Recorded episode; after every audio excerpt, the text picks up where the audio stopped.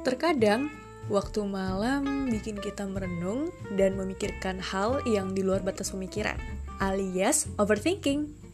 Daripada overthinking sendirian, mending sebelum tidur kita cerita-cerita dulu.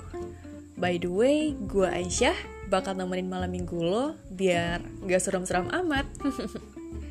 Ikan hiu makan bambu. Sampai jumpa di malam minggu.